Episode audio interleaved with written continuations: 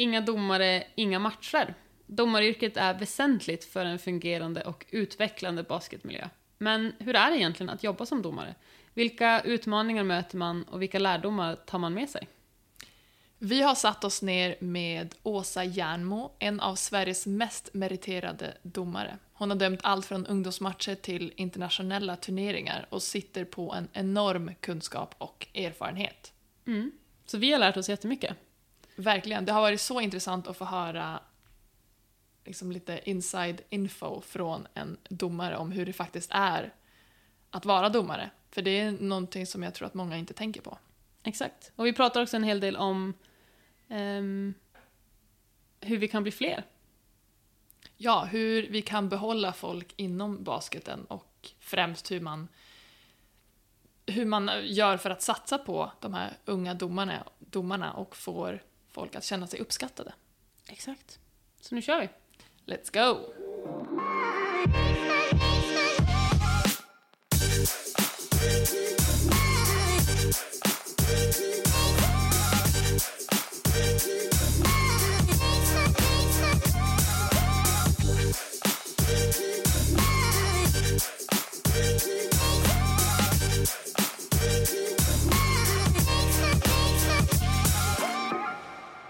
Hej och välkommen till Lockerroom-podden Åsa Järnmo.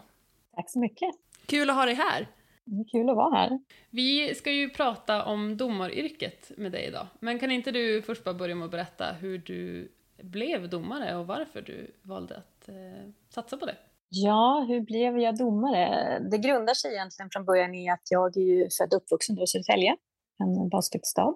Eh, och har haft basketen i mig hela mitt liv, ända sedan jag föddes i stort sett. Och har ju varit aktiv som spelare, och coach, eh, funktionär, ja, stått i kiosken, alltså you name it. Eh, sen eh, när man är en 12-13 år, jag minns inte riktigt exakt hur gammal, men så var man då på den tiden i SVK tvungen att gå en grundkurs i domare.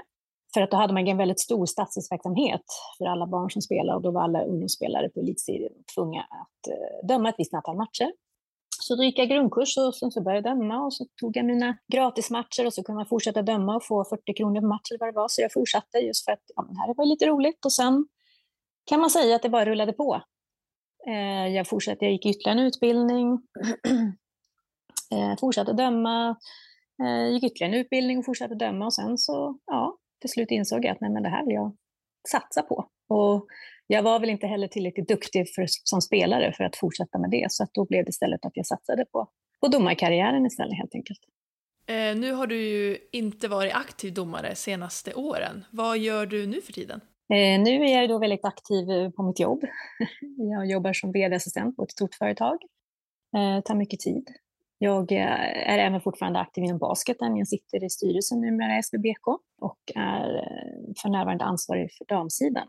Ja, jag kommer ju ihåg eh, dig från när jag spelade i SBL dam innan jag åkte på college. Eh, och då, då var det ganska ovanligt med att ha, eller jag kommer ihåg dig mest för att du var, jag tyckte du var väldigt bra, väldigt liksom opartisk och det var också kul att se liksom en kvinna i domaryrket. Eh, men jag kommer också ihåg att du dömde FIBA-turneringar eh, och sånt också, men eh, jag har lite dålig koll. Vilka nivåer är det du har dömt på? Eh, jag är framförallt dömt då i damligan. Eh, jag dömde ju då i elitdomargruppen som man kallar det, de som dömer förbundsserierna, det vill säga ligorna och eh, ettan och ja, de har hetat allt möjligt genom åren, men alltså ja, ligan och steget under. som sagt, damligan främst under väldigt, väldigt många år. efter ett tag fick jag äran att bli FIBA-domare, det vill säga internationell domare, och dömde internationellt i tio år. Där jag bland annat träffat på dig då i U18-turneringar, och U20-turneringar, medföljande då som svensk domare. Och sen så har jag också dömt herrligan då i, jag tror att det blev 11 säsonger till slut. Eh, sen då förstås däremellan så har man ju också dömt väldigt, väldigt mycket ungdomsmatcher och även då i herr och damettan under alla år. USM och allt vad det har blivit. Vad, vad var det för skillnad på att döma liksom, i svenska ligan och ta steget upp på liksom, internationell nivå? Alltså, stora skillnaden skulle jag säga att, att det känns kanske ibland lite mer seriöst när man kommer utomlands. Eh, det är en helt annan respekt för domarna skulle jag vilja säga. Kanske inte under matchen och från läktarna, men från klubbarnas sida, att man ser det som positivt. Mm. Eh, så kanske inte alltid är läget i Sverige, ska jag säga. Utan man är snarare ett eh, onödigt ont som dyker in ibland mm. Eh, på vissa platser, tyvärr. Ehm, men sen är förstås nivån på spelet är ju också, jag menar att eh, vi, även om vi stundtals håller väldigt bra klass i Sverige så är det klart att gå in och döma en Euroleague dammatch oss, det är ju helt fantastiskt. Det är ju få saker som kan mäta sig med det.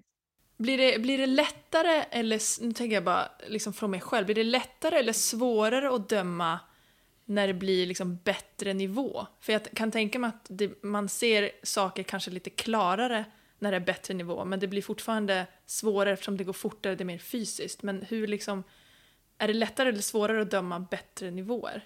Lättare, helt ja. klart. Som du säger, alltså allting blir väldigt mycket tydligare.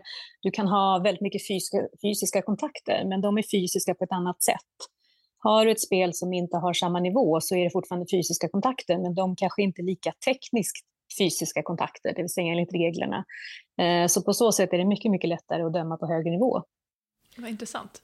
Hur, ehm, jag tänker ehm, hur man, eh, du nämnde lite att inställningen till domarna skiljer beroende på vilken nivå man dömer på, men jag tänker också att den kan skilja beroende på vem man är i sammanhanget. Att Ellen har en eh, uppfattningen av vad en domares uppgift är. Jag som har varit tävlingsledare har en annan, publiken har en, coachen har en. Men hur hade du som domare definierat din roll under match? Jag var inte riktigt med på den frågan måste jag erkänna. Du får fundera. Ja. Men vad tycker du att din liksom främsta uppgift är? För att är man inte, jag tänker så här, kanske gemene man i publiken har dålig koll på mm. vad egentligen domaren är till för och då mm. blir det också lätt att man um, tycker och tänker saker väldigt högt om domarbeslut för att man inte vet. Men du som, har, du som vet, hur hade du definierat det? Ja, men hur jag definierar så det, vi är ju en matchledare. Eh, utan oss så blir det ingen match. Eh, och vi är ju där för att vara en neutral part. Eh, och neutral part, hur mycket vi än försöker så kommer vi aldrig vara det liksom lagens och klubbarna och spelarna och publikens ögon för att de kommer ju alltid heja på sitt och det är fullt förståeligt för så ska, så ska det ju vara. Och där kan jag känna att det är ganska skönt när man tänker tillbaka så genom åren hur mycket mer tryggare man blev i att vara i den situationen. Att liksom kunna hantera eh, upprörda känslor, vilket kanske i början var väldigt jobbigt. Eh, kontra efter tio år så känner man så här, ja, ja, stå där och skrik eller ni kan busvissla hur mycket ni vill. Ja, men liksom, jag är trygg i det jag gör och jag vet att jag alltid gör så gott jag kan. Sen mm. att det är klart att det blir fel och det måste man acceptera, både som domare och matchledare eller, eller funktionär eller spelare, coach. Liksom, att ibland blir, blir det inte bra. Mm. Och sen kunna känna att släpp det, gå vidare, det kommer en, liksom en ny bedömning, du måste ta om två sekunder. Och det är det som är tacksamt med basket, att det händer så mycket hela tiden det, jag menar, liksom, du har inte tid att grotta ner dig om du kanske gjorde något fel, utan du måste köra på. Liksom, släpp det. För annars kommer du fortsätta göra dåliga, liksom, ta dåliga beslut. Så att, eh. Det är lustigt att ni är en opartisk eh, del i det hela och det är kul att lagen och coacherna som är minst opartisk är de som anklagar er för att vara opartisk. Det är väldigt, eh, väldigt check yourself, känner jag. Men ehm, kan inte du berätta lite mer om din utbildning och kanske så här, hur domartrappan ser ut? För man börjar ju inte på högsta nivå.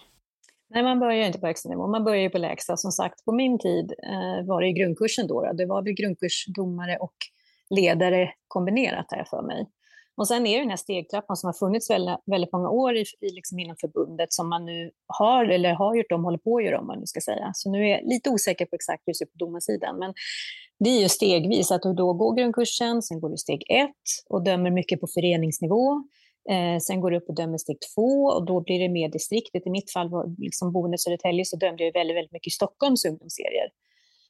Eh, och sen då så kan man då få gå steg tre, vilket är förbunds förbundsutbildningen. Och utifrån det, när du har klarat steg tre, så kan du då bli uttagen i elitdomargruppen då och döma de här två högsta serierna i Sverige. Och sen har det då funnits ett steg fyra som har varit lite förberedande just för högsta ligorna och kanske för en kommande fiberutbildning. Och sen efter det så är det ju fiberutbildningen eh, som kommer. Som eh, bara ett, ett fåtal utvalda får äran att mm. gå. Det låter ju som att om man är intresserad att det är en ganska tydlig väg uppåt om man vill. det är ju väldigt positivt för de som är sugna. När vi satt och skrev de här frågorna så tänkte jag eh, igenom så här, hur, lite sån praktiska saker. Hur, hur, liksom, hur tränar man som domare och hur förbereder man sig inför match? För jag menar, det är ju, jag vet ju hur, hur jag som spelare tränar och förbereder sig inför match, men jag tänker att det kanske jag vet inte och det är säkert många som inte vet hur man, hur man gör det som, som domare, för det är inte bara liksom, eh, komma in och bara döma, utan man måste ju förbereda sig kanske mentalt, fysiskt, men hur, hur går det till? Eller hur gjorde du? Mm. Eh, ja, träning ska jag säga, det är ju väldigt individuellt. Det är inte som ett lag, att du har liksom ett lag, du får ett träningsprogram, du har en fysio liksom som leder, utan man är ju väldigt ensam där. Sen kan man förstås ta hjälp och träna tillsammans med sina kollegor. Eh, jag vill säga att senaste åren, framförallt via FIBA, så blev det bättre att de anställde fysios som vi hade tillgång till, som kunde liksom hjälpa oss med träning och inför sommarturneringarna liksom ge förslag och väldigt just specifikt anpassat till liksom det här att vilka rörelser gör vi på plan? Eh, hur rör vi oss? Men vi springer lite snett och lite halvt baklänges och liksom lite mm. ja, specifik träning på hur man liksom skulle träna för det. Så det tyckte jag var jättebra. Eh, men sen alltså, det handlar ju om att hålla sig i form, för man inser att om du inte är i fysisk form så är du inte heller i mental bra form. Till exempel har du haft en tuff match och det som går till förlängning eller kanske till och med dubbel förlängning och du är inte fysiskt tränad så orkar du ju inte hålla en bra nivå hela, matchens, hela matchen igenom. Eh, så hur jag exakt tränar, jag har alltid varit väldigt seriös. Eh, så jag har ju liksom sett till att, att träna. Eh, vi har ju också fystester inför varje säsong och tränar du inte då, då, är, du, då är det tufft. Då ska du ha ganska en del talang för att klara det. Men jag har till exempel sprungit maraton sju gånger. Så att jag menar, jag har ju också haft det hela tiden i baktanken, att det liksom, träning blir en del av liksom årscykeln om man säger. Eh, sen är det då viktigt inför matchen, jag menar hur man laddar. I att vara, känna att man är i bra form, det är ju ett sätt att ladda, för då mentalt behöver du, kan släppa det. Du är trygg i att det, det kommer jag klara av. Eh, men sen precis som, som ni gör, man försöker sova bra kvällen, kvällen innan, man äter bra. Eh, precis innan match, det här med att fokusera, liksom gå in i den här bubblan, vad är det jag ska göra, tänka på uppgiften. Eh, jag brukar tänka olika scenarion som kan hända. Har du liksom är det några spelare som spelar som det brukar hända saker kring? Är det en coach som man kanske vet att kommer vara lite jobbig? Eh, ja, sen har man något som heter pregame, eh, en stund innan match med sitt lilla crew som vi säger, det vill säga domarteamet om man är två eller tre, där man har vissa saker man pratar om och liksom tänk på det här och kom ihåg det här måste vi fokusera på. Eh, hur gör vi om den här situationen uppstår? Ja, lite snacka ihop sig och liksom, ja, Sen eh, är det så att det framförallt eh, inför väldigt viktiga matcher som man kanske inte alltid har tid med det här, kanske titta på lagets match spelade innan. Hur såg det ut? Prata med domarna från den matchen. Eh, lite så. Bara eh, viktigt också att ha koll. Hur ser det ut i serien? Har den här matchen speciell vikt? Inte för det spelar någon för mig som domare, det kan vara att veta varför alla är på dåligt humör eller varför alla är så sura. Eller, men liksom, mm. Det kan ha med det att göra också. Mm. Så att man liksom, ja, man gör allt man kan för att vara redo för uppgiften skulle jag vilja säga. Du nämnde lite det om att man, eh, man har koll på spelare och coacher och eh, kanske kollar på videos innan. Hur gör man liksom efter, kollar man på videos på sig själv och hur man mm. liksom analyserar sitt eget spel? För vi gör ju det hela tiden som spelare. Eh, men jag tänker som domare, är det så att man kollar tillbaka på matcherna och ser, okej okay, men där kunde jag gjort något bättre eller det där gjorde jag väldigt bra? Mm, absolut. Eh, det har ju i många år varit liksom ett krav att du ska se dina matcher efterhand och även eh, till och från vissa säsonger att man ska dela klipp och man ska liksom, i FIBA vet jag att man måste skriva en egen rapport eh, efter varje match och så. Så att absolut, sen är det väl tyvärr så att alla kanske inte alltid är lika seriösa och så är det ju även bland spelare och så, men jag skulle säga att merparten av mina kollegor i den här gruppen har verkligen gjort det här och inser vikten av att, att man faktiskt kan lära sig. Och här är det mycket viktigt att man är ödmjuk och liksom även erkänner att det kanske inte var så bra. Eh, direkt efter en match så kanske man inte, man är fortfarande liksom uppe med adrenalin och kanske inte riktigt, jo men varför, när ett lag klagar väldigt mycket och man tycker men jag hade ju rätt. Men sen om man går tillbaka och säger, men gud jag kanske skulle ha gjort annorlunda, att det ändå var så ödmjuk och liksom, okej, okay, det här måste jag tänka på nästa gång, det här ska inte hända igen. Men sen också att man faktiskt får klappa sig själv på axeln, för att många domare lider ju av att vara för självkritiska. Mm. Och istället inse, ja men det där blev faktiskt väldigt bra och liksom ge sig själv den credden. Mm. Så det är på gott och ont, både se det bra och det dåliga. Vad tycker du att man bör ha för egenskaper för att bli en riktigt bra domare? Först och tycker jag att man ska vara seriös. Man ska vara seriös i det man gör, speciellt när man kommer upp på elitnivå. Eh, jag tycker alltid man ska vara seriös, men det är kanske inte är lika viktigt alla gånger beroende på vilken serie man dömer i. Man tänker på ungdomssida, att det kanske är mer att man är seriös i uppgiften att man är en bra matchledare för de små. Eh, när du kommer upp så är det så att du, du, matcher får ju liksom större vikt, större uppmärksamhet. Och därför om du är seriös i dina, hur, du upp, hur du uppför dig på plan, utanför plan, dina förberedelser och allt det vi har pratat om, Eh, så tycker jag att seriös i den uppfattningen är väldigt viktig. Jag tycker du ska vara engagerad, för det är så att det går åt väldigt mycket tid i det här. Du uppoffrar ju faktiskt mycket, precis som spelarna gör. Eh, tid med familj, med vänner, du missar födelsedagar, ja, you name it. Eh, också ett engagemang att du ska hela tiden komma förberedd som sagt. Du ska ta dig tid att läsa på lite om lag, du ska kolla på dina videor, du ska vara tränad, du ska läsa regler regelbundet skulle jag säga. Eh, du ska vara ödmjuk, som sagt. Eh, vi är inte Guds gåvor eh, som kommer trippandes, utan vi måste inse att vi kan göra fel och förstå också varför vi är där. Eh, och kunna erkänna fel när vi har fel, men ändå kunna behålla liksom, min integritet. Eh, stresstålig tycker jag att man ska vara, för att det är ju en väldigt utsatt eh, roll. Och klarar du inte av att hantera stress, då kommer det vara väldigt, väldigt tufft. Går det att leva på domaryrket i Sverige eller är det alla som är domare har det liksom som eh, liksom på sidan av sitt jobb? Man kan inte leva domaryrket i Sverige om man inte vill leva väldigt fattigt.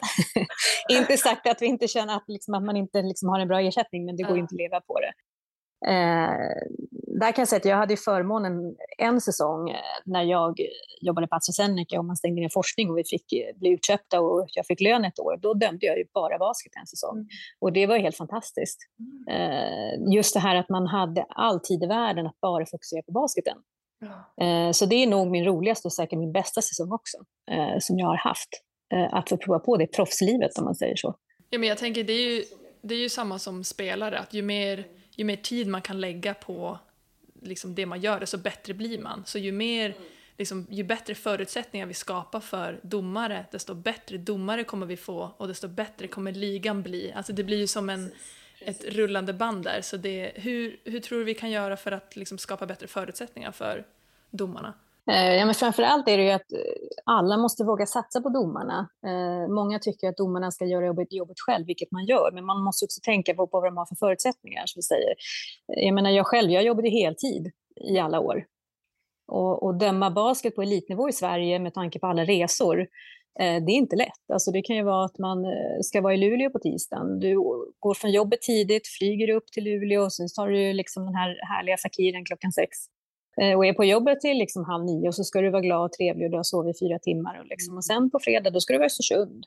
Mm. Och sen när du blir FIBA-domare, ja men då mitt i veckan då ska du ju vara borta två och en halv dag för att du ska vara i Salamanca. Ja, men liksom, mm. eh, ja. Så att jag menar, det är klart, det är ju någonting man väljer själv och man, man fixar det ju, men då kan man också förstå varför domarna tycker att det är lite tufft ibland, att man kanske inte alltid är på topp för att det är ett tufft liv. Mm. Mm. Eh, sen för att gå tillbaka till frågan i sig, hur man skapar förutsättningar. Det jag kan tycka är lite sorgligt ibland är att jag tycker att föreningarna och distrikten måste ta mycket, mycket mer ansvar. Jag menar, domare poppar ju inte upp från ingenstans. De kommer ju någonstans ifrån och det är ju då oftast föreningarna. Och att jag skulle önska att föreningarna faktiskt värnade lite mer och liksom försökte jobba med att rekrytera och hjälpa eh, spelare fortfarande när de, när de spelar, framförallt när de vill sluta spela, att fånga upp dem, att det här är en möjlighet, du kan bli domare. Och sen lägga liksom, ja det kostar lite att, att skicka domare på utbildning, men det måste kanske få göra det för att vi ska fortsätta ha ett bra domarbestånd i landet. Verkligen. Och vi, vi har pratat mycket om hur viktigt det är att behålla folk inom idrotten och då nu kanske vi pratar specifikt basketen.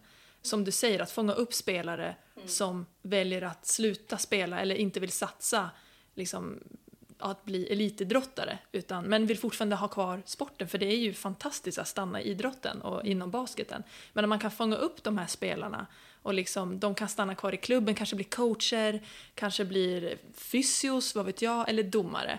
Men just, vi har pratat om vikten av att liksom få folk att stanna inom idrotten. Att bara för att man inte vill satsa på basket som spelare så betyder det inte att man liksom... Måste sluta. Nej. Men jag tänker också på att eh, domare fyller en extremt viktig roll när det kommer till att utbilda spelare också. Den tror jag många glömmer bort, för om jag ser tillbaka på min ungdoms, eh, mitt ungdomsspelande så är ju domarna de jag tydligast kommer ihåg som har lärt mig väldigt mycket.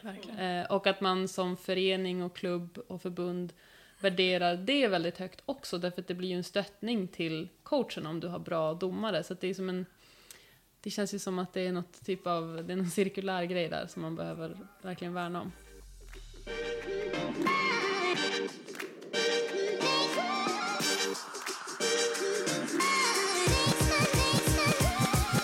Den här säsongen sponsras Lockerroom-podden av Rain Total Body Fuel.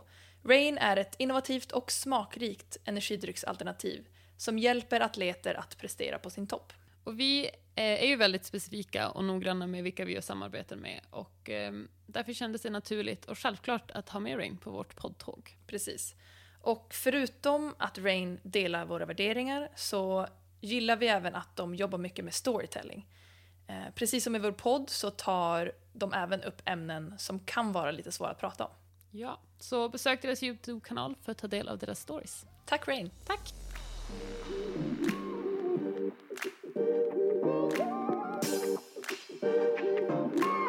Men jag har en fråga och den här tror jag är en bubblare så den här kanske inte du har hunnit förbereda dig på så mycket. Så du får ta tid att fundera. Eh, men eh, jag tänker att ni lär ju känna spelare och coacher inom, genom åren och kanske framförallt då inom Sverige. Vi är inte jättestort. Eh, och det betyder också att man lär sig hur spelare och coacher beter sig. En del är väldigt livliga och pratar väldigt mycket, andra är väldigt, väldigt lugna. Så hur gör man för att hålla sig så objektiv som, som möjligt. Därför att jag kan tänka mig att det är lätt att om en coach alltid är väldigt livlig och sprattlar och håller på och en annan är väldigt lugn, att skulle man skulle den lugna helt plötsligt börja bete sig som den livliga på en normal dag för den eh, liksom, sprattlande coachen så skulle man ju reagera jättestarkt på, på grund av att det är ett trendbrott. Um, så det blir ju som att man bedömer folk olika beroende på vem de är. Så, så här, hur, hur eh, hanterar man det? Nej, men jag går nog tillbaka till det här att jag tycker att det är viktigt sagt att man är seriös. Och här tycker jag det ingår i det här att du som domare, det, det, är din roll att vara neutral oavsett. Du kan ju vara så att du faktiskt dömer spelare som du för många år sedan har spelat med. Det är ju inte helt omöjligt. Jag menar, Basket-Sverige är ju inte så stort ändå. Eh, och jag menar såklart man träffar på varandra i olika ja, både på och utanför plan av olika, inte att man stämmer träff, men att menar, man kanske har delat samma yrkesroll. Jag har ju träffat folk i, i mitt yrke när de har poppat upp och sen så ses vi på lördag i en baskethall och så ska jag döma den här personens lag. menar, det är ju sånt som händer. Men för mig är det jätteviktigt och jag vill ju tro att vi verkligen jobbar på. Sen är vi alla människor. Mm. Eh, det är ju så. Och det är ju precis som ja, jag kanske har haft förutfattade meningar om vissa spelare och tänkte, ha nu den där spelaren, men då kommer det här och här att hända. Men jag måste ju verkligen se till att jag inte faller i den fällan, utan vänta på att det verkligen händer. Mm. För det har man varit med om när man har dömt att, eh, det är precis som coachen har förutfattade meningar om andra spelare. Mm. Så så fort en spel på plan, då är det, ja men då, skri, då är det moon screen, så fort den här stackaren sätter en screen, och det är verkligen inte i närheten av moon screen, bara för att, ja, 75 procent av fallen kanske den här spelaren sätter en moon screen, men jag kan ju inte döma utifrån det, jag måste döma efter, efter det som händer. Så det, det, är ju en svår sits, men det är ju precis som coacher och spelare, de har ju också förutfattat meningar om domare. Jag menar, hur många gånger vet ni inte när man, så fort domarna kommer in så tittar alla, vilka är det? Och ibland ser man ju så här, åh herregud, är det hon igen? Ja, men liksom, det, är ju, jag menar, det, det är ju åt båda håll och det tror jag inte att alla tänker, utan man tror bara att det är domarna som har bestämt sig för att liksom, gå ut efter en spelare eller vad som helst, men det händer faktiskt att coacher och spelare också är ute efter en domare. För det är ju lite allmänt känt hos domare och det kan ju också vara våra förutfattade meningar, att man gärna går på vad man anser vara den svagaste parten. Jag menar, har du en rookie-domare, då är det ju ja. den man är ute efter, för den man tror att man kan påverka. Mm. Så att det är ju ett psykologiskt spel i många aspekter, under en match och före en match och efter en match.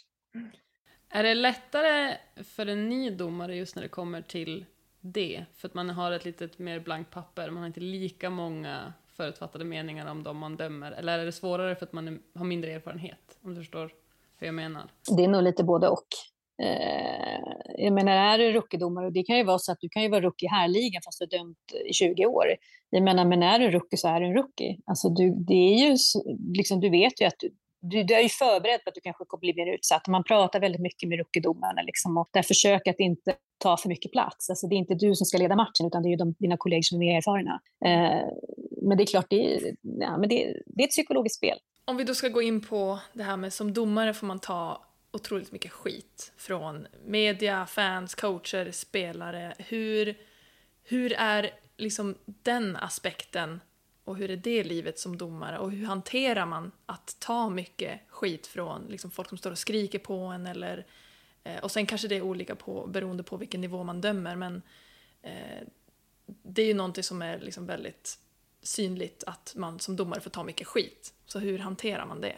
Eh, det är ju väldigt, väldigt individuellt. Jag menar, vi är ju alla olika bra på att hantera olika former av kritik och blivit bli utsatta. Och det är ju någonting man får träna på under åren.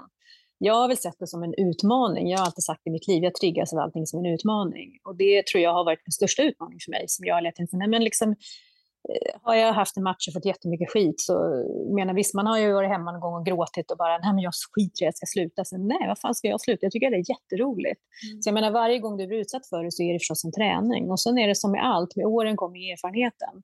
Och som jag sa, att jag, man kommer till en punkt där man känner att, nej men nu, det rör inte mig längre. Jag, jag tar inte personligt, jag blir inte påverkad. Jag kan småskratta lite under en match igång, eller ibland när det ja, men man vet ju vissa hallar sitter i vissa folk, de sitter alltid på samma platser och man vet okej, okay, jag kommer få min dos idag. Så är det ju. Men ja, nej, men det, alltså, jag tror att det är en utvecklingsfråga. Alltså, du, du måste öva på det, hur hårt det än låter. Men eh, du måste också vara införstådd med att det kommer att hända. Du kommer inte gå igenom en domarkarriär och aldrig få utstå kritik på något sätt. Jag menar, jag har blivit utbuad av 5000 pers i en hall i Salamanca och tyckt så här, jaha, ja, okej. Okay. det var ju också en upplevelse. Ja, så att jag menar, det, det, tar tid och det är ju en svår, det är därför vi inte har så många domare heller, så att jag menar, det, är, det är ju ingen trevlig arbetsmiljö. Gud, tänk om det där var på ett kontor. att någon bara står bakom och skriker du är sämst, du är så dålig. Sen är det ju inte alla matcher det är så illa, det ska man komma ihåg. Alltså det är ju ett, jag skulle säga att det är mer att det är en positiv upplevelse än att det, att det är en negativ upplevelse. Men jag tror man går in i domaryrket och framförallt om man liksom vill satsa och göra karriär, då du kommer ju få din dos, så är det ju. Det är ju ja. Men jag hade alltid som mitt, jag har inte läst några bloggar, jag har inte läst tidningarna dagen efter.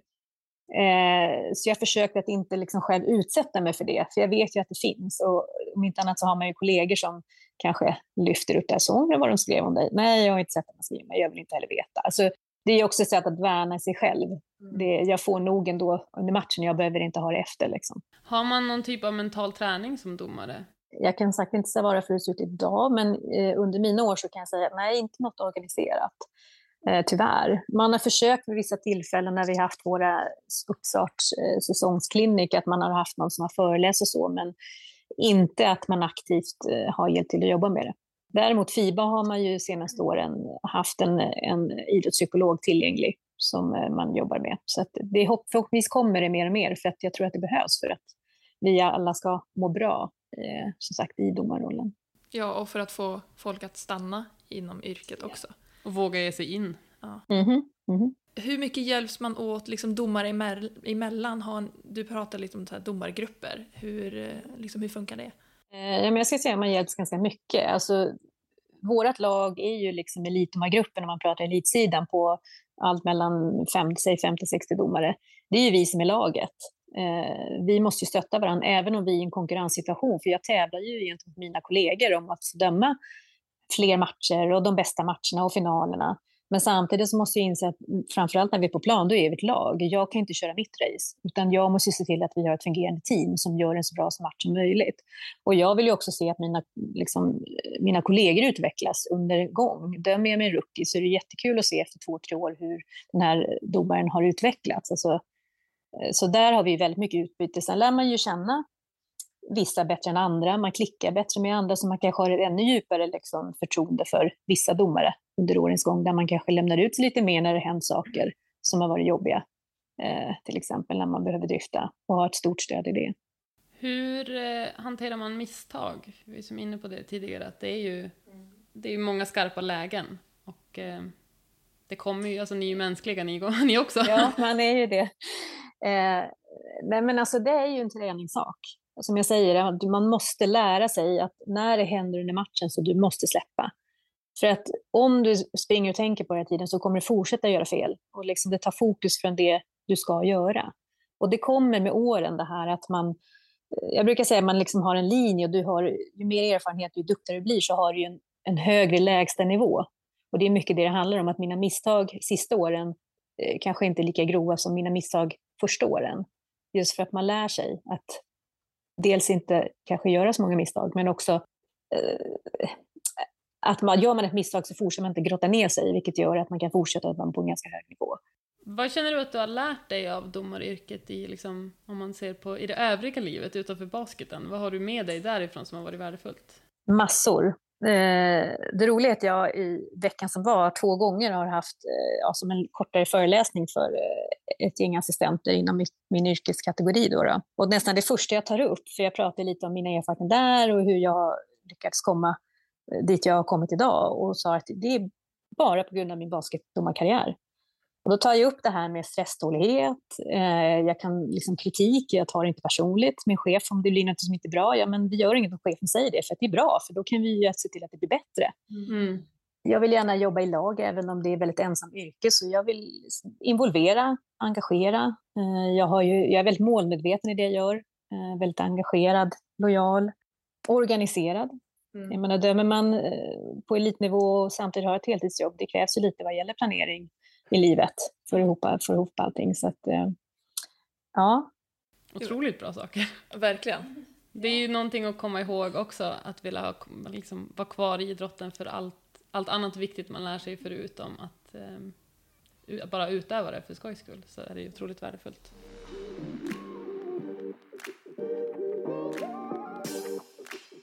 Vi pratade lite innan, eh, innan vi började spela in om mm. Att vara kvinna i ett mansdominerat yrke. Eh, kan du berätta lite om det? Jag har ganska mycket att berätta om det.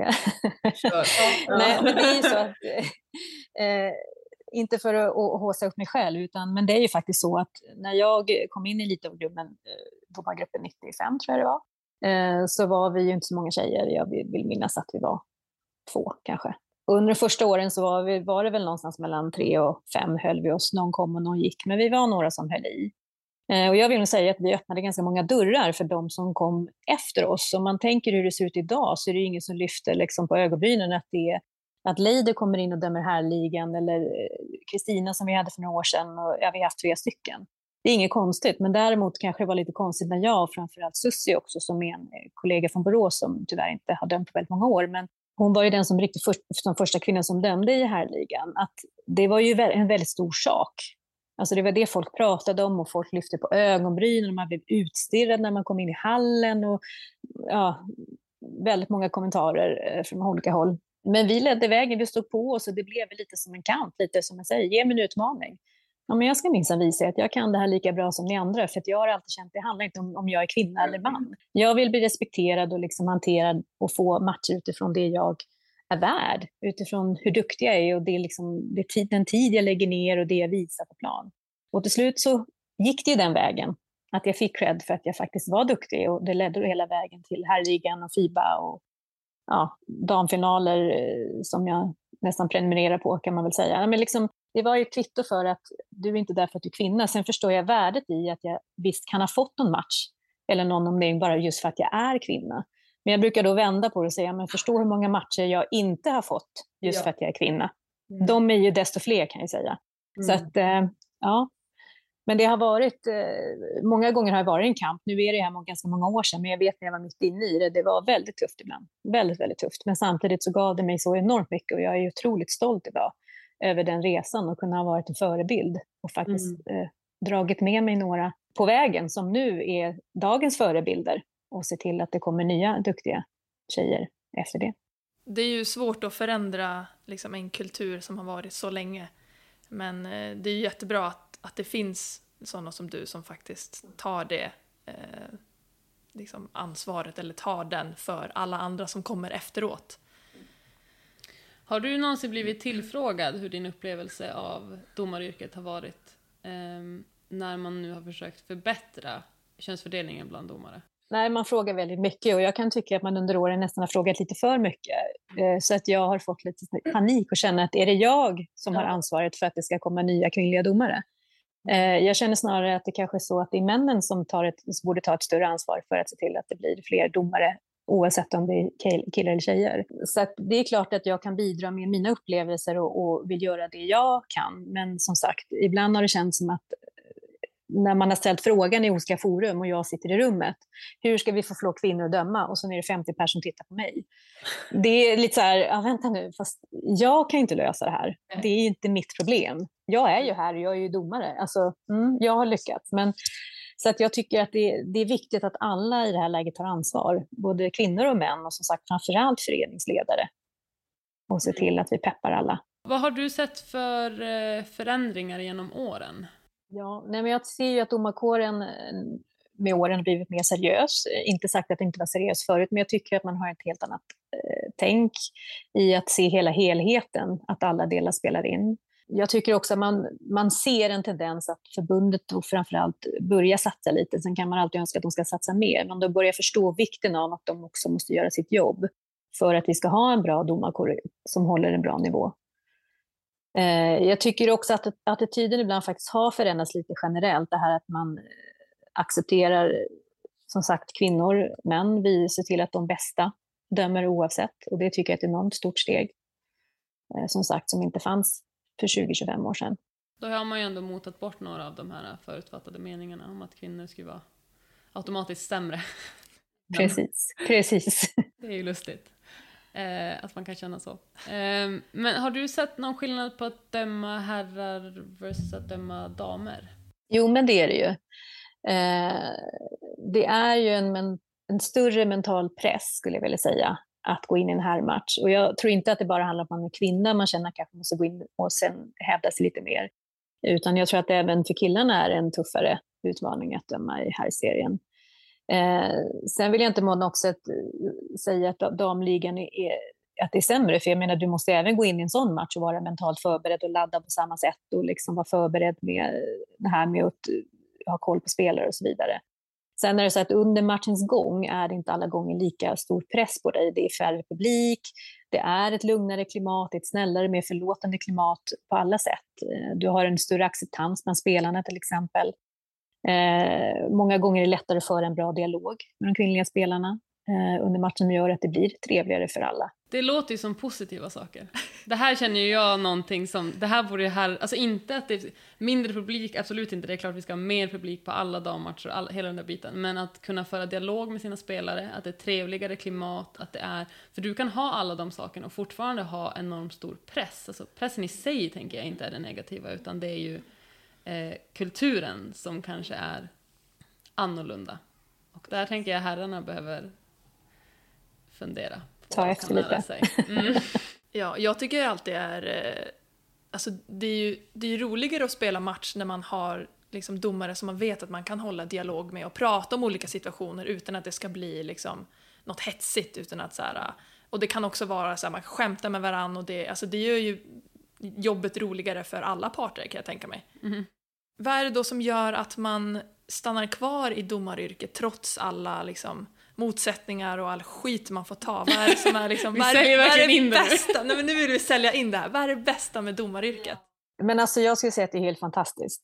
Alltså jag ångrar ju inte många stunder i min domarkarriär, inte ens de jobbiga, utan allt det positiva överväger ju det negativa. Jag menar allt det här med gemenskapen mellan domare, Eh, att få hålla på med basket, eh, att få vara i den här domarbubblan, eller basketbubblan och domarbubblan. Jag menar, det gäller upplevelser. Jag menar, man får resa mycket, både Sverige, jag har fått förmånen att resa internationellt. Och som jag säger, all, allt det har fört med sig i form av värdet det har skapat för mig även privat, som sagt, i min yrkeskarriär. Nej, men jag, jag ångrar ingenting och jag rekommenderar varmt alla att faktiskt prova på. Mm. Eh, för att se att det kanske inte är så illa. Och det är det här att man, speciellt är man en målinriktad person som vill ha en liten utmaning, att man vill ha någonting att jobba för, det är perfekt. Mm. För jag menar, du kommer aldrig bli en helt perfekt domare, du kommer alltid ha någonting att jobba på. Mm. Och det är det jag har gillat, liksom, att hela tiden försöka, liksom, ja, men idag ska jag tänka extra på att det här ska jag tänka, men jag brukar vara lite dålig på, på stegfel. Ja, men nu ska jag verkligen, ah, nu ska jag, den här säsongen ska bli bättre på det här, jag ska jobba på det här. Eh, och sånt har jag mått bra av, mm. eh, faktiskt. Men alltså, det är ju väldigt många positiva upplevelser. Det är inte så att bara folk sitter och skriker och gastar och tycker att man är kass. Alltså det är otroligt många gånger som jag har fått höra att man är uppskattad och vad kul att du kommer idag och fasen jag blir så glad när jag ser, nu vet jag att liksom, jag kan, liksom, det kommer vara en trevlig match idag. Alltså, det har jag fått höra så många fler gånger än att jag är kass och sämst och borde göra någonting annat eller eh, gå hem och stå i spisen och allt vad man kan få höra som kvinna. Alltså, så att det, det är mer positivt än negativt, skulle jag vilja säga. Det är skönt att höra. Mm. Om du fick... Eh, om du fick säga någonting till... Om du nu fick säga någonting till dig själv när du började, vad hade det varit? Med all den erfarenhet du har liksom... Och till alla andra. Ja. till unga liksom domare som, är, som vill komma in i domaryrket och satsa på det. Ja, men framförallt skulle jag vilja säga håll ut, alltså ha tålamod. Dels ha tålamod i att låta ens egen utveckling få ta den tid man behöver. Eh, men också ha tålamod med sig själv, att man hänger med mentalt eh, och att eh, chansen kommer att komma. Eh, och det handlar också om att när man har dömt många år och kommer upp i karriärstegen och inser att eh, jag kanske måste vänta tills turen blir min. För det kan jag väl känna många gånger att många är väldigt otåliga. Att, nej, men nu har jag dömt elitdomargruppen ett år, varför dömer jag inte damligan? Mm. Ja, ett, du kanske inte är redo riktigt, fast du själv tycker det, så ser ledarna eller domargruppen eller domarkommittén någonting helt annat. Och, och man kanske vet också, för det kände jag själv när jag väl fick döma härligan, jag tyckte jag skulle gjort det tre, fyra år tidigare. Men när jag väl kom upp tänkte jag vilken jäkla tur att jag inte dömt dam, eller härligan, det var inte jag redo för, de hade gett upp mig. Och det kanske man inte alltid förstår själv, utan man måste lita på att chansen kommer att komma när du är redo. Mm. Eh, och där gäller det att ha tålamod. Och det, men det handlar ju också om att få döma bästa matcherna på distriktsnivå. Chansen kommer att komma när jag är redo. Lite så. Så tålamod är nog, eh, behöver man ha en stor dos. Det känns som ett bra avslut, verkligen. Tack så mycket för att du ville gästa vår podd. Ja, tusen ja, tack. men tack själva. Christmas, Christmas.